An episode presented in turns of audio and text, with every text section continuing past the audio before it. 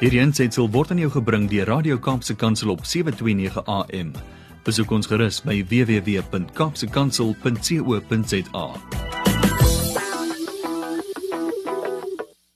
In die leefwêreld van die gestremde verwelkom ek altyd vir Fanie De Tooy en 'n telefoniese gas vandag. Baie welkom Fanie. Dankie dat ons hier kan wees en ek sien uit om te praat, om te luister en wat is meervoudige sklerose? Ja, of MS. Dis iets wat ons dis 'n diagnose wat meer en meer gehoor word, maar baie min van ge, van kennis geneem word. En ons het hier vir Non Smit, sy is die direkteur van meervoudige sklerose Suid-Afrika in die Wes-Kaap, Oos-Kaap, Noord-Kaap, Vaal en in Gauteng. Baie welkom by ons telefonies. Baie dankie. Dit is heerlik om hier te wees. Ek is baie geïnteresseerd in wat MS is. Dis iets wat almal hoor, almal praat daarvan en dan lyk almal so ingelig, maar ek weet nie wat dit is nie.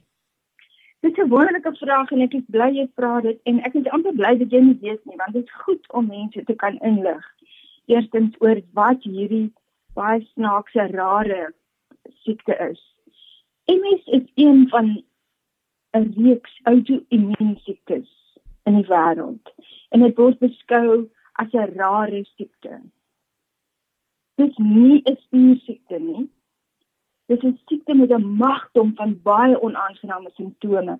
Dit kom en dit gaan en is verskriklik onvoorspelbaar. En verskyning van hierdie simptome en behandeling uh om dit te voorkom dat permanente skade aangerig word aan die senuweestelsel is word uh dis in akute gevalle is baie belangrik. So mense moet weet dat MS is gestekel in die brein en in die rugmerg. En uh dit is die triple S. Triple S staan vir jou sentrale senuweestelsel. Wat bestaan uit jou brein en jou rugmerg en die immuunstelsel wat die liggaam verkeerdelik aanval. Dit is 'n outoimmuunstelsel. So MS beteken dit 'n ooraktiewe immuunstelsel wat onderdruk moet word deur baie dierbehandeling wat nie in die normale gang van sake bekostigbaar is nie uh tensy die pasiënt die hoogste en die duurste plan van mediese fonds is, uh dis maar 'n stryd. En as dan nie 'n mediese fonds is nie, is dan die, behandeling in Suid-Afrika nie dis maar die realiteit van ons gesondheidstelsel. Maar dit is 'n kortsluiting van elektriese impulse. Dit moet uh beskou word soos ehm um, as jy die lig aanskakel is die lig net dood. Dit beteken iets het geblaas. Dis ja, amper so. Ja. So dit moet herstel word. En um, dit is maar 'n kort wat MS is. Nou wat veroorsaak MS? En en wie van wie van ons kan dit dan nou kry? Ja, die ontwikkeling van MS is, is in eerste plek nie jou skuld nie. En dit het ook niks te doen met jou lewenstyl of jou gedrag nie. So niemand is seker waarom mense MS kry nie, maar die navorsing wys daartoe dat MS veroorsaak word Um, ek sê deur 'n kombinasie van genetiese en omgewingsfaktore. So kom ons vat geneties en dan sê ons uh MS word nie direk geërf nie en dit word nie veroorsaak deur een foutiewe geen nie. Maar dit blyk tog dat daar wel 'n genetiese komponent is. Daar's moontlik 'n kombinasie van gene wat veroorsaak dat sommige mense meer vatbaar is vir MS as ander. Maar dit beteken nie dat jou familie ook MS sal ontwikkel net omdat jy dit het nie. Want selfs met identiese tweelinge sien ons dit beteken nie dat as die een dit het dat die ander een dit ook gaan kry nie. Ons het wel gevalle waar die ma dit het en 'n dogter. Ons het gevalle waar drie susters dit het. Ons het gevalle waar die ma en die seun dit het. So die kans vir jou kinders om MS te kry is baie klein. Ehm um, en as ons dan dink aan omgewingsfaktore, dit word nog steeds geglo dat die verder mens van ewenaar bly, hoe groter die moontlikheid vir MS om te ontwikkel. Baie interessante topik waaroor ons lekker lank kan gesels. Uh, maar dit is ook die rede vir hoekom daar so baie mense is met MS in lande soos die Verenigde Koninkryk en Skotland is baie algemeen in Noord-Amerika en Skandinawië en so aan. Daar is wêreldwyd so plus minus 2.5 miljoen mense. Maar daar's letterlik minder as 5000 in Suid-Afrika. En dis feitelik ongehoord in Maleisië of Ecuador. Daai redes is nie heeltemal duidelik nie. So jou vraag is wie kry MS? En die antwoord in statistieke sou ek sê ongeveer 85000 in die Verenigde Koninkryk het MS, so dit beteken so een uit elke 1000 mense. En uh, in Skotland wat net langs dit is, is dit so een uit elke 500 mense. So dit maak nogtans nie sin nie. So ons kat ongeveer 5000 mense in Suid-Afrika.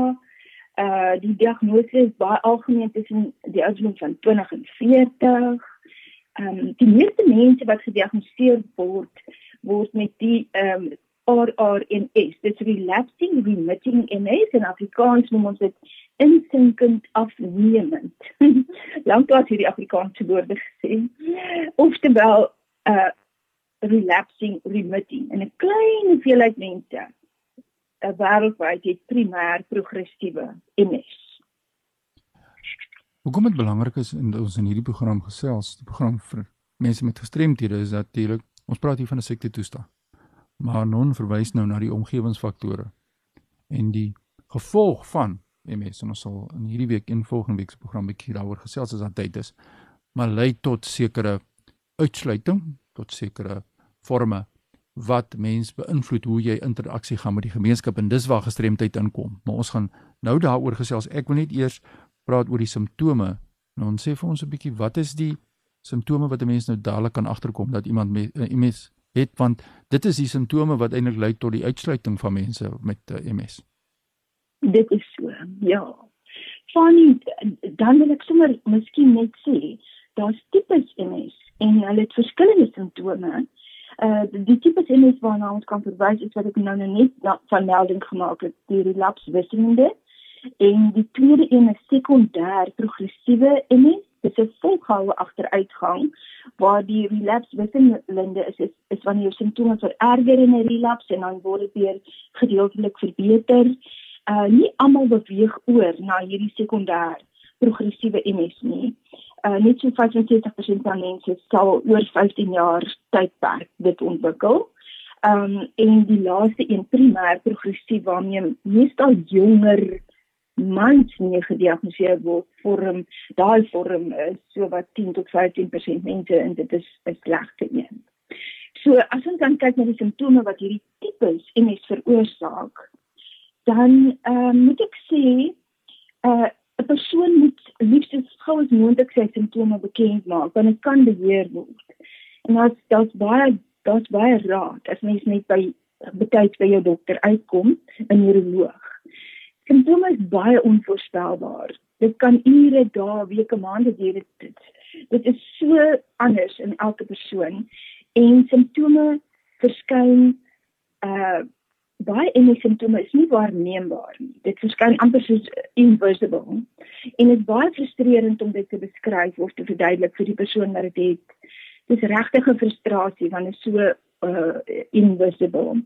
Hitte en inspanning en spanning en stres en dis boosdoeners daai. Dis goed wat glad nie goed is vir MS nie. So as jy uitgevind het wat jou aantas, moet jy dit so ver as moontlik vermy.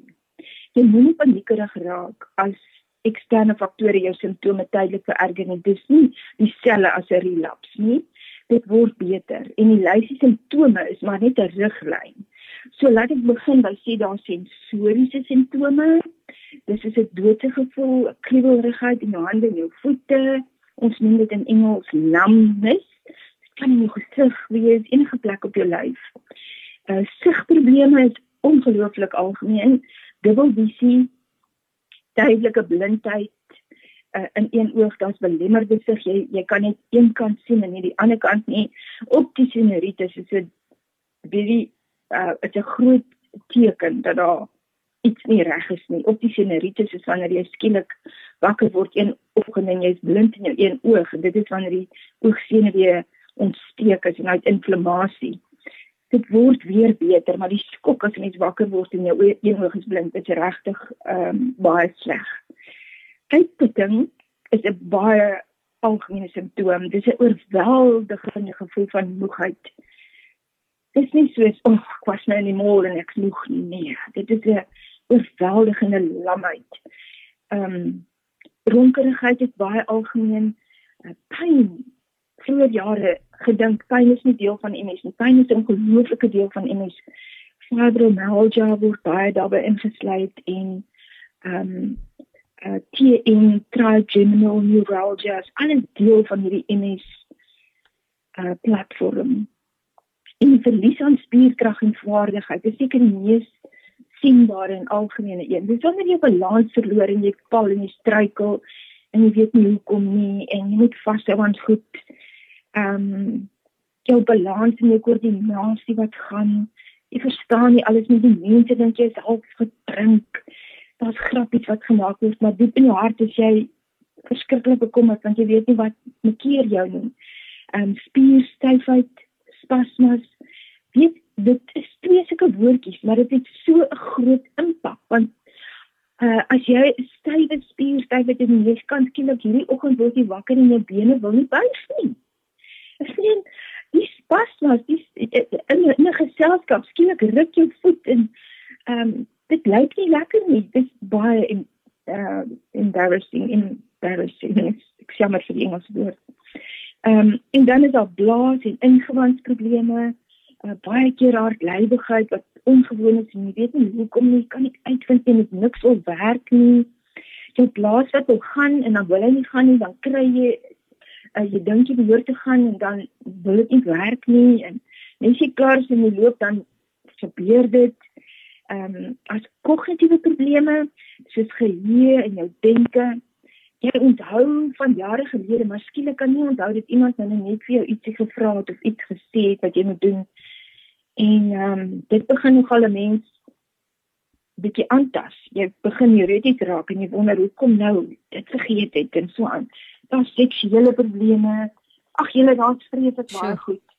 Dit klink um, vir my asof dit uh, ek dink mense het 'n goeie verstaan van watter rigting om oor bekommerd te raak wanneer hulle van hierdie simptome ervaar wat hulle eintlik seker glad nie met MS verbind het nie. En nou moet ons tot sien sê vir eers en ons gaan ons program laat oorstaan in 'n volgende keer gaan ons dan nou ook kyk na die toetse wat gedoen word om die diagnose van MS te bevestig. Mens wil graag 'n bevestiging hê en nie net op ehm um, gedagtes loop nie. En dan gaan ons ook verder bietjie kyk na hoe om dit te hanteer, hoe mense van buite dit kan beheer so. Baie dankie Fani ook vir jou saamkuier. Ja, wat ek geleer het is is dat sy sê die kortsluiting, maar dit het soveel 'n uh, impak op soveel dele ja. van jou menswees en is baie moeilik om dit saam te vat en ek kan net dink die spanning iemand in my familie het dit ontwikkel en dit het gebin by iemand wat mank begin loop het en die been begin geaffekteer het mm. en dit was groot verleentheid vir daai persoon soos wat sy mm. sê het so ja ek sien uit na volgende week se se gesprek oor hierdie belangrike saak dan pak ons dit bietjie verder uit nou in die volgende keer nou dan gesels ons weer verder baie baie dankie ook vir jou bydrae en uh, jy's die direkteur van die meervoudige sklerose en is in die Vaal Ooskaap, Noord-Kaap en ook in Gauteng. Is wonderlik om jou kundigheid hier te kan deel met mense. Lekker dag vir jou en Fanie vir jou dankie. ook. Baie dankie. Dankie julle.